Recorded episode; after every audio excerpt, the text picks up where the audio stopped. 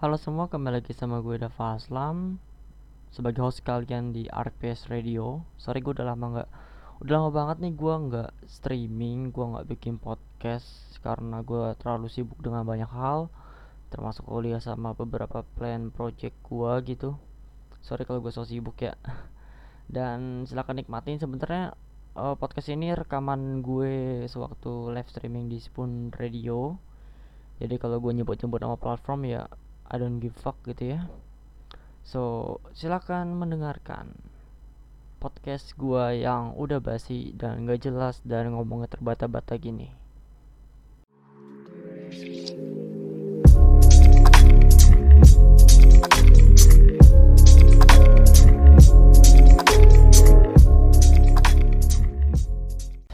Oke, kembali lagi sama gue Dava Slams. Ini pertama kali banget gue make aplikasi yang namanya Spoon Radio. Ya. Jadi apa yang pengen gue bacotin di sini? Gue cuma bacotin tentang politik aja sih kayak anjir kayak negara lah ya. Gue pengen bacotin itu doang. Nggak ada lagi gitu. Jadi yang gue rasain adalah sekarang ini pasca pemilu Indonesia sepertinya di titik yang sudah mulai stabil karena eh, kedua capres sudah bertemu dan sudah menyatakan kalau Indonesia itu sila ketiga gitu. Jadi Indonesia itu bukan lagi 0102 gitu. Indonesia itu udah 03 persatu Indonesia gitu. Ya level up buat negara Indonesia setelah pemilu ya. Gue mau ngebahas tentang apa ya perilaku orang-orang Indonesia gitu. Jadi sebelum sebelum pemilu ya pra pemilu aja pra pemilu. Pokoknya sebelum pemilu itu gue merasakan kayak uh, panasnya gejolak-gejolaknya propaganda, gejolak-gejolaknya berita, berita nggak kesaring, hoax banyak di mana-mana mau dari 01 mau dari 02 saling serang saling berargumen gitu. Oke kalau argumen lu uh, berdasarkan fakta argumen lu itu bukan sekedar bacot bukan sekedar salah-salahan tapi argumen itu fakta. Karena kalau kalau begitu campaign lu beneran walaupun ada negatif campaign gue bilang negatif campaign itu nggak ada masalah selama itu fakta. Kalau bukan fakta jadinya black campaign. Black campaign itu bukan sekedar lu ngelewatin jadwal kampanye lu tapi ya lu kayak memberikan sebuah data yang nggak bener yang jatuhnya hoax. Dan itu menjatuhkan dari lawan lu itu nggak baik gitu. Nggak boleh malah. Uh, jadi di sini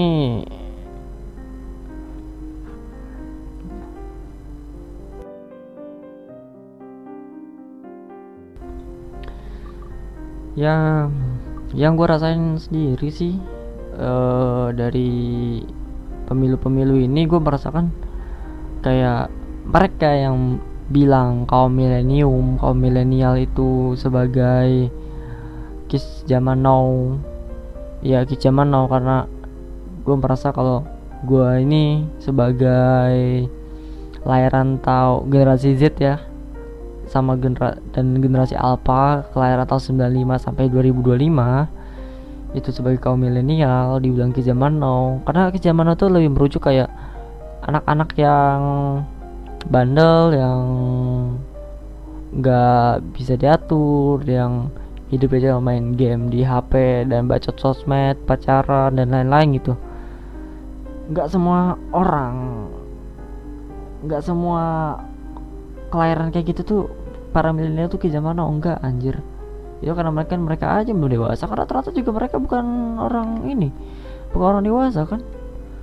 Itu orang baik itu orang tuanya itu yang mengawasi anjir yang yang menjaga. Karena gue merasa kayak ini lu ya ini gue nih gue berperilaku seperti ini ya karena pertama faktor lingkungan pertama keluarga dulu lingkungan sekolah, masyarakat, negara. Nah, peran orang tua seharusnya itu adalah menjaga anaknya supaya tidak menjadi negatif. Sebenarnya disalahkan justru lebih ke orang tuanya. Kalau misalkan anak pacaran istri pacaran sebenarnya orang tuanya anjir anak orang tuanya nggak mengawasi atau uh, anaknya suka toksik di internet apa karena orang tuanya gaptek gitu. Sebenarnya jangan gegap teknologi juga sih teruslah ikuti perkembangan gitu. Karena kalau lu nggak ikuti perkembangan perkembangan yang bakal nindas lu anjir. Lu bakal diinjek injek lanjut. Yang dibilang ke zaman now justru kalau gue bilang tuh kayak elder zaman now anjir sekarang. Karena rata-rata yang share hoax kebencian propaganda propaganda dan berbagai macam lain itu justru lebih ke kaum kaum tua jujur aja ini uh, kaum kaum tua yang kayak gitu orang tua orang tua orang tua.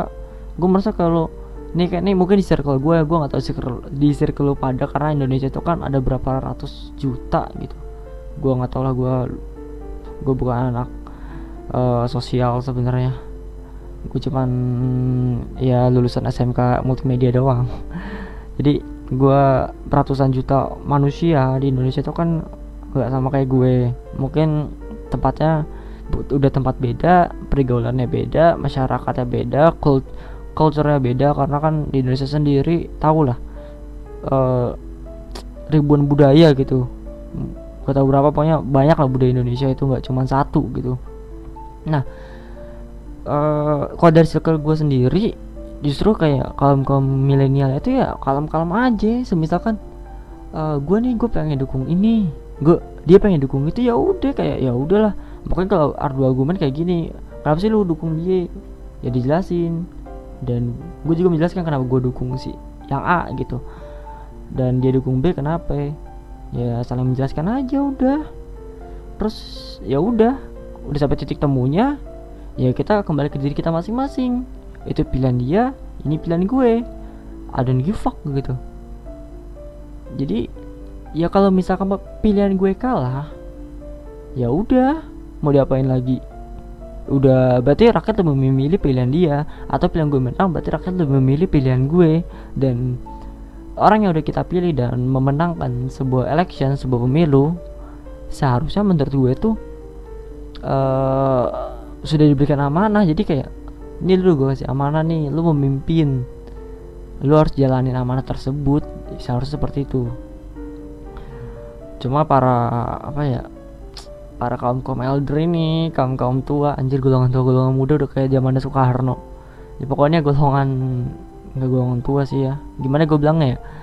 Ya kaum kaum ini kaum kaum lama sepertinya tidak bisa seperti kita gitu. Jadi bukan golongan kami.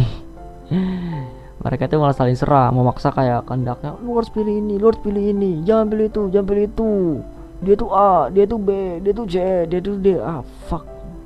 Anjir gue toxic ya. Pokoknya emosi anjir. Kesel. Siapa yang nggak kesel ketika lu apa ya lu dengan santai ini kan lu dengan baik-baik aja. Terus tiba-tiba uh, dihujat. Cuma karena eh gue ini nih gue ngerasa dia ini baik deh. Dia itu memenuhi janjinya visi misinya sangat membangun negara gitu. Sangat mengedepankan masyarakat. Terus tiba-tiba dihujat anjir. Siapa nggak kesel? Gue juga kesel sih kalau segitu tapi ya ya ya susah lah ya gue komen kayak gimana. Karena umur akan selalu bertambah tapi kedewasaan belum tentu. Kalau lo main game gue kebetulan pencinta game juga misalkan nih lu main PUBG itu main Free Fire gitu lu anggap itu kayak ngeplay nih lu rank up nih itu kayak lu sekolah. Ya semakin lu sering rank up semakin lu sering belajar semakin lu paham dengan kesalahan lu akan level up gitu. Dan level up itu gue bilang itu level itu lebih ke kedewasaan. Kalau lu nggak pernah rank up lu main di situ-situ ada titik aman. Misalkan lu kayak main Mobile Legend lu di warrior terus ya lu sama aja bohong anjir. Maksudnya gini umur lu gede nih. Uh, playtime lu ya waktu bermain lu tinggi. Misalkan gue cuman lima hari lu udah 10 hari. Tapi dalam lima hari gue udah sampai elit tapi lu masih di warrior. Walaupun playtime lu tinggi mungkin lu lebih paham mekanismenya dari apa tuh dia lebih awal daripada gue. Cuma gue bisa ngel ngelabuin lu. Dan gue bilang tuh ranknya itu justru lebih ke kedewasaan. Nih anjir gue filosofi banget anjir. Ya pokoknya seperti itu. Uh, umurnya tambah tapi dewasanya enggak gitu. Yang gue lihat malah saling serang. Setelah gue buka sosmed nih pertama enak. Setelah pertama jualan. Slide kedua cewek biasanya cakep gitu kan. Wah mata segar slide ketiga berita berita berita inilah berita berita yang senengin gue kayak film kayak game kayak review atau apa eh slide yang ke bawah dari set politik debat debat debat. Kesel gue kadang ada juga loh kayak nih fakta nih beneran. Cuma disimpang. Ketika dia kalah nih pasti ngomongnya cebok mana ngerti kampret mana paham. What the what the fuck gitu. Gue kayak ya udahlah anjir. Kalau misalkan fakta fakta nih beneran nih beneran. Kalau ini beneran eh, jadi banyak introspeksi gitu. Atau kalau misalkan yang apa ya tim suksesnya lihat gak usah nyerang gak usah nyerang. Santai aja gak usah nyerang. Argumen boleh asalkan masih fakta nih. Bukan baper-baperan. Masih fakta boleh santai aja. Kalem. Justru kalau misalkan lo tim sukses lo harus pikirin lagi gimana cara memenangkan. Lo harus bisa apa ya mempromosikan lagi lah dengan lebih mantep gitu. Nah uh, yang gue lihat di internet kan kayak itu baper mana paham mana ngerti mana paham mana ngerti ya. Gue yang lihat malah kesel anjir bukan mana apa mana kali bikin kesel. Sumpah komen itu komen baper anjir. Nggak ngerti lagi gue sebenarnya. Saya saja banyak introspeksi lah kalau emang fakta. Tapi kalau misalkan hoax ya ditangkis. Diberikan faktanya. Tidak seperti itu seperti ini. Ya anjir. Gue susah banget sih buat komennya. Coba kayak gitulah ya. Pasti lu pada ngerti lah udah gede kan. Udah bisa mikir. Lanjut uh, mengenai apa ya? Hoax gitu-gitu tentang berita-berita gitu sih. Gue bilang kayak di internet kayak di sosial media rata-rata sosial media nih tepat penyebaran beritanya gitu. Uh, eh, gue ngasih lu pelajaran aja sedikit pembelajaran. Apa pun yang lu share di internet itu milik internet. Mau foto lu mau daily vlog lu mau video prank lu mau apa pun itu postingan lu mau ngemim mau apa itu milik internet bukan milik lu lagi seriusan uh, kan banyak kasus tuh kalau misalkan kreatornya nggak ditangkap tapi malah yang nge-share tangkap begini sih kalau yang gue di pikiran gue yang nge-share ditangkap kenapa? Karena dia lebih menginfluence. Misalkan gini gue ngeliat uh, gue post sebuah postingan gue lihat sebuah berita gitu. Di kreatornya mungkin kayak dia bikin sebuah hoax itu cuma kayak impactnya nggak gede gitu ya udah istilahnya orang nggak ada yang nge-share apa. Nah ketika gue nge-share gue nge-share berita itu uh, di circle gue itu kayak orang oh iya ya bener ya. Uh, ini beritanya kayaknya bener ya. Terus share share share share. Ternyata berita itu hoax. Dicarilah siapa. Ternyata gue nge-share. Dan gue yang kena. Dan gue dan gue menyangkal dong kayak ini bukan gue yang bikin gitu. Gue bilang ya nggak bisa karena gue menginfluence back orang untuk melakukan hate loh. Gue gimana ngomongnya anjir? Gue menginfluence orang buat kebencian. Kayak gitu. Ya kejam lah internet tuh. Bahkan ada akun YouTube yang namanya hati-hati di internet kan. Itu ya walaupun itu shit posting tapi gue sangat terhibur juga sih liatnya. Ya itu kayak gitu. Jadi internet tuh harus hati-hati. Apa pun yang lu post itu bukan punya lu lagi. Kayak gitu. Next yang bakal gue bahas itu uh, apa ya tadi kan udah tuh yang pertama yang kedua udah. Masalah pendidikan sih masih soal negara ya gue pengen banget ngebahas negara kan ngebahas negara tuh nggak ada habisnya anjir. Eh sebelum pendidikan gue masih lanjut lagi deh. Yang tadi sore ini gue gak labil namanya juga BG ngerti lah. Nah uh, masalah election masalah pemilu gitu kenapa lebih banyak kaum kaum kaum tua uh, golongan elder golongan ya generasi Z dan generasi X kan ada X, Y, Z, Alpha gitu. Nah kalau Z sama Alpha kayaknya generasi kita ya. Uh, generasi Z sama X itu kenawai saat pemilu lebih sering berkoar-koar. Uh, sebuah teori aja dari gue. Ini lu nggak usah mengiyakan. Karena apa pun yang gue di sini cuma sampah. Mereka itu kan kemungkinan lahir pada tahun 65 sampai 98 gitu. Dan gue merasakan kalau di tahun itu pemilu itu bukan apa ya pemilu itu cuma kayak boneka sih. Yang dari gue belajar dari fakta-fakta sejarah ya. Pemilu itu cuma kayak boneka. Jadi lu akan sih kalau nggak salah dulu itu tiga pilihan gitu. Lu memilih yang A B C milih apa C ya tetap aja B B terus yang menang anjir. Jadi kayak mereka tuh nggak merasakan pemilu yang begitu ini loh maksudnya pemilu yang beneran pemilu gitu. Nah begitu pemilu sekarang khususnya yang tahun ini karena kan kalau pemilu-pemilu yang lalu itu media tuh nggak besar. Media itu dulu paling besar tuh ya televisi. Kalau sekarang kan ada internet dan dulu juga udah ada internet cuma tidak meluas seperti sekarang gitu loh. Kalau dulu itu kan ke, ya YouTube nih. Misalkan tahun 2014an 2012an YouTube itu apa anjir? Facebook itu apa? Kayak orang tahu YouTube? Itu cuman kayak kursi of YouTube di mana tuh? On the spot.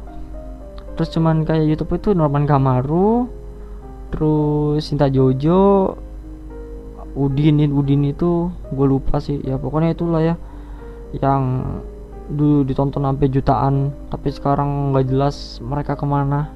Hilang-hilangan kan. Sebenarnya kalau mereka punya masa kayak gitu mereka bikin kayak gitu terus tuh keren anjir. Tuh early of TikTok anjir. Awal-awal banget sebelum ada TikTok sebenarnya musically orang tahu YouTube tuh kayak gitulah. Kayak tepat tepatnya apa sih? Tepatnya apa beda sama sekarang gitu. Kalau sekarang kan YouTube apa pun ada tutorial make up vlog bahkan kayak daily vlog itu sebenarnya kayak nggak penting kehidupan lu gitu. Orang apa sih dari kehidupan lu gitu yang lu cari? Terus uh, berita berita di internet tuh di YouTube itu kayak nggak kesaring anjir. Beneran kayak nggak kesaring. Jadi YouTube itu udah sangat luas makanya Reza Arab bilang dulu di lagu yang sangat fenomenal itu YouTube lebih dari TV ya. Bener. Bener. Mungkin kalau pada saat itu YouTube tempat karya gitu. Jadi lu karya anjing gue benci banget ngomong karya. Pokoknya YouTube itu tempat karya. Karya karya karya karya. Orang ngepost apa pun situ. Terus kayaknya dulu kalau nge YouTube tuh gampang gitu. Enggak anjir. Sama aja susah. Ya baik lagi. YouTube tuh orang tahunya itu cuma sebatas gitu aja. Nah begitu sekarang ya media udah besar. Sudah ada kayak Instagram, Facebook, Twitter dan lain-lain. Media itu jadi nggak bisa kekontrol jadi uh, post itu selalu masuk gitu. Kalau misalkan TV kan misalkan mereka mau bikin berita kan mereka harus lihat kondisi dulu. Terus juga nggak bisa sembarangan. Atau website atau sebuah situs berita apa pun di internet itu mereka punya tim dan mereka punya riset dan mereka nggak bisa sembarangan gitu. Mereka harus cari fakta.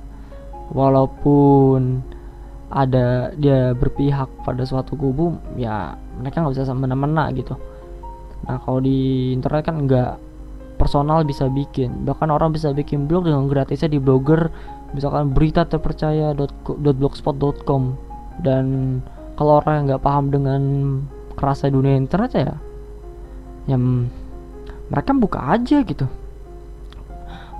Mereka merasa wah beneran nih gini gini gini gitu. Apalagi kalau orangnya orang sastra mengerti cara bikin berita ya udah. Pasti orang mengiyakan pembawaannya asik ya mengiyakan walaupun itu hoax. Dan di share wah berbahaya sekali kalau di share seperti itu pahitnya. Baik lagi ya gue bilang tuh kayak mereka itu belum merasakan pemilu. Sebenarnya pemilu di mana mana kayaknya kejam sih. Di Amerika pun kalau gue bilang juga parah juga sih kios-kios juga. Jadi kayak nggak ada di luar negeri tuh bisa lagi nih. Enggak sih gue bilang nah pemilu pemilu gitu bahkan di Amerika pun yang waktu zamannya Trump sama Clinton juga sangat luar biasa keras. Apalagi mereka sistemnya online kalau kita kan masih tusuk coblos ya. Mereka online loh. Dan bahkan sampai ada isu kalau Trump itu didukung sama Rusia. So who knows? Nah uh, kembali kembali ke mana gue udah gak ada bahan.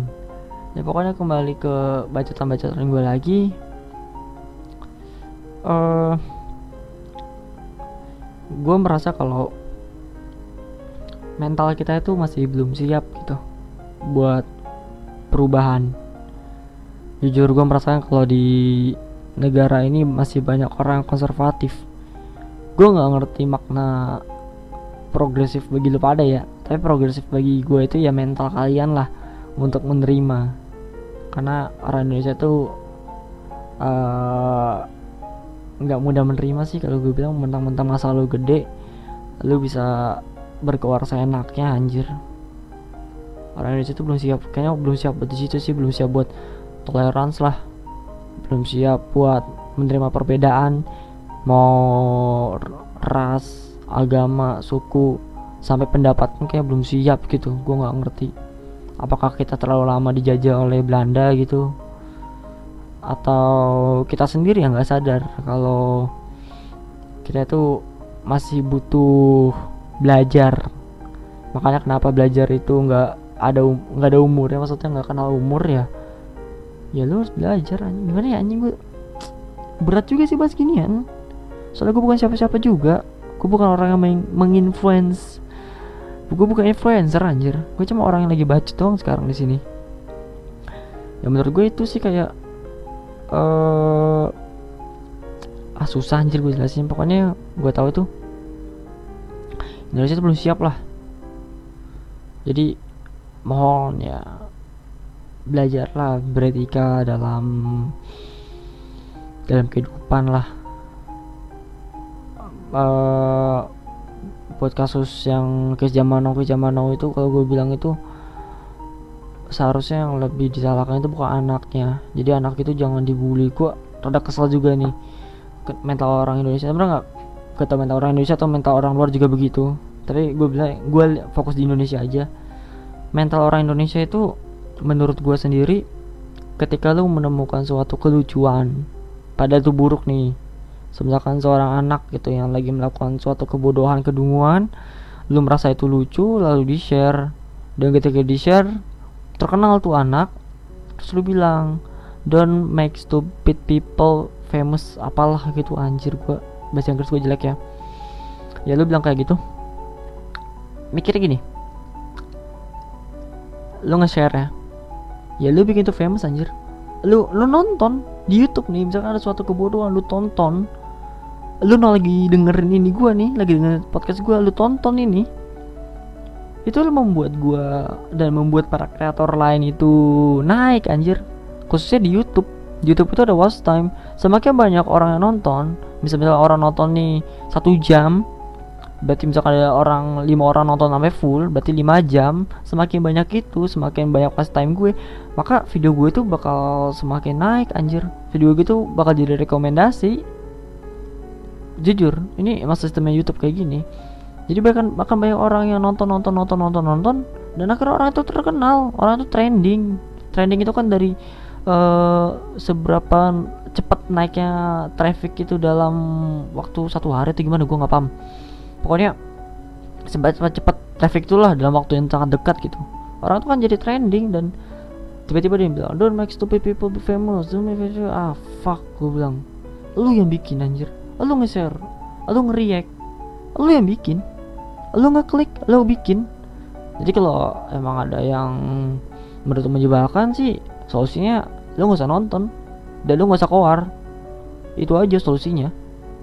Kalau lu melakukan kayak nonton dan keluar ya lu lu juga termasuk bagian dari yang bikin orang itu famous. Atau kalau nonton ya udah lu nggak usah bacot gitu. Ya udah kayak sedikit nonton ya udah. Misalkan lu pengen tahu ya. Manusia kan juga nggak luput dari rasa penasaran ya. Kalau lu pengen tahu ya tonton aja. Tapi ya udah gitu. Tapi resiko lu bikin itu terkenal pas time naik gitu. Uh, mungkin ini kali yang bikin dari kemarin YouTube Indonesia trending ya politik terus ya. Sampai kreator-kreator kan itu kan rata-rata ya uploader anjir yang bikin naik. Ada yang dari stasiun TV cuma gue nggak mempersalahkan kalian. Cuma kayak lebih kayak ke reuploader yang ngupload itu dengan judul yang huruf besar huruf kecil angka dan simbol digabungkan. Terus itu kan memancing anjir. Kalau misalkan kayak orang-orang yang udah terbiasa dengan kehidupan di internet mungkin kayak nggak kepancing udah nggak ke trigger cuma kalau mereka-mereka yang baru menyentuh namanya globalisasi mereka kan ke trigger dengan itu. Mereka nonton dan kalian lah yang akan jadi trending gitu. Dan banyak banget kayak kreator-kreator lain yang memang udah uh, try hard banget. Udah berusaha banget nih ngebuat sebuah konten. Tiba-tiba kalah dengan kalian yang hanya reupload atau ngekat-ngekat ngekat-ngekat gitu. Tau gak sih kayak uh, orang pidato panjang tapi dikat-kat. Sesuai ini semisalkan uh, kalian tidak boleh makan sayur yang warnanya hijau terus tidaknya dipotong. Jadi kalian boleh makan sayur warna hijau ini perumpamaan perumpamaan aja ya yang walaupun ini bodoh. Cuma ya itu beneran terjadi dan orang kayak wah merasa oke okay, merasa uh, merasa iya gitu. Merasa bener. Ya udah terjadilah itu. Uh, di share wah ini begini nih ini begini aku menemukan sebuah fakta aku menemukan sebuah info valid. Padahal info lo nggak valid anjir itu itu hoax. Hoax yang dipermainkan kalian tuh dipermainkan dan gue tahu para kreator cuma mencari adsense memanfaatkan momen. Dan kalian yang bertengkar mereka mendapatkan uang dari situ. Seriusan? Hmm, kalau ngomongin ini nggak ada habisnya. Cuma kalau nggak ada habisnya bagus buat gue karena ada adsense nya gitu. Uh, apa yang mau gue bahas lagi ya? Gue mau ngebahas tentang tentang sekolah sih sebenarnya sih tentang permasalahan pendidikan. Cuma kayaknya nanti ya biar kita pecah-pecah gitu biar ada gue dapat adsense juga dan gue dapat view yang banyak. Ngerti lah maksud gue para kreator tuh pasti paham dengan ini semua. Uh, baik lagi gitu di masalah kenegaraan kita. Gue merasa kalau uh, negara sebenarnya bagus sih gue merasakan negara itu luar biasa sih. Maksudnya lu tinggal di Indonesia itu suatu anugerah Tuhan. Tempatnya bagus uh, orangnya ramah-ramah. Kalau kata orang tuh orangnya ramah-ramah. Bener Indonesia ramah-ramah ditegur oh iya iya. Lo di Indonesia tuh udah kayak setiap hari tuh alarm anjir. Lu pengen makan tiba-tiba tukang bubur lewat lu pengen masak tiba-tiba tukang sayur lewat. Lu pengen beli ember orang perabotan lewat. Di Indonesia tuh udah enak anjir. Kalau di luar kayaknya nggak semua negara ada yang begitu gitu. Mungkin. Karena kan gue gue nggak tahu kehidupan di dunia luar anjir. Ya pokoknya di Indonesia tuh gue bilang udah enak. Terus uh, lu ke setiap daerah makannya beda-beda jadi lu kayak nggak bosen. Sebenarnya Indonesia itu surga. Udah kayak surga dunia cuma entah kenapa masyarakatnya jadi jadi aneh. Sebenarnya gue nggak bilang semua masyarakatnya sih. Uh, sebagian sebagian yang seperti itu ya. Tadi waktu gue di tiba-tiba uh, dibilang oh lu sekarang lu lu uh, penistaan lu begini lu begitu. Bahkan sampai ada nih uh, misalkan ada orang melakukan kesalahan nih. Kesalahan. Kan setahu gue di mana pun itu di buku di buku budi pekerti di buku agama pelajaran sekolah kan dijelasin biasanya. Kalau teman kamu melakukan kesalahan alangkah baiknya diingatkan. Setahu gue seperti itu. Ini gue baca aja. Uh, kalau orang Indonesia malah enggak anjir. Malah dihujat malah di jatuhkan uh, dihancurkan lah dibikin orang itu malu gitu. Terus kadang kalau paling ngesel ini kalau misalkan ke trigger biasanya uh, sebuah video orang video targetnya gitu video korban korban uh, video targetnya itu dijadiin di cut cut gitu dipotong-potong terus dijadiin ini uh, video pendek yang ada rohani rohaninya gitu loh. Paham lah maksud gue gitu. Dia pasti suka lihat. Padahal orang itu belum terbukti bersalah atau gimana tapi udah jadiin victim lah. Apa sih? Gue ngomong apaan sih sekarang? Nggak jelas. Maksud gue ya semoga ngerti gitu apa yang gue ngomongin uh, yang gue harap sih buat sekarang dan buat ke depannya adalah ini pelajaran gitu sebagai warga negara. Freedom of speech freedom of speech itu ya seperti ini. Kejam uh, menusuk hati gitu bikin trigger. Cuma ya ya inilah demokrasi. Lo kalau nggak suka dengan namanya demokrasi ya silakan anda pergi ke Korea Utara mungkin Korea Utara ini masih demokratik. Walaupun pas pemilu satu calon doang gitu. Jujur nih di Korea Utara kok kalau nggak salah ya uh, pemilihan pemilu itu ada. Cuma cuma satu calon. Lu boleh milih boleh enggak tapi ketika lu nggak milih ya you know lah apa yang terjadi. Gak usah disebutkan. Lu mungkin bisa pergi ke negara seperti itu yang tidak yang anda tidak ingin terlibat dengan politik dalam negerinya gitu ya lu cuma mau hidupnya santuy-santuy aja. Karena ya demokrasi seperti ini. Setahu gue tuh kalau manusia tuh punya hasrat aja manusia tuh punya nafsu jadi ya kayak gitu. Nggak bisa ditahan-tahan. Walaupun misalkan negara ini kembali ke monarki kembali ke kerajaan yang bukan yang tidak ada pemilihan umumnya tetap aja rakyat kalau misalkan pemimpinnya nggak benar juga rakyat pasti akan gelisah. Dan makanya diciptakan demokrasi di situ. Uh, bacotan gue kayaknya terlalu tinggi sih ya buat sekarang. Cuma kayak ya ini doang sih yang pengen gue omongin gitu. Mungkin next bakal lebih tersusun lah. Gue udah lama juga nggak bikin beginian. Tapi thank you banget yang udah dengerin. Walaupun di sini di live streaming gue nggak ada yang denger cuma ini bakal gue keep aja. Oke thank you. Dan ini jam gila setengah tiga. Dan selamat pagi buat kalian semua. Uh, selamat menikmati hari kalian. Bye bye dan ya bye bye aja sih udah ya. Always tune aja ya. Gue males ngomong like follow subscribe atau apalah itu. Karena bukan tipe gue juga sih. Ini buat nyampah. Bye bye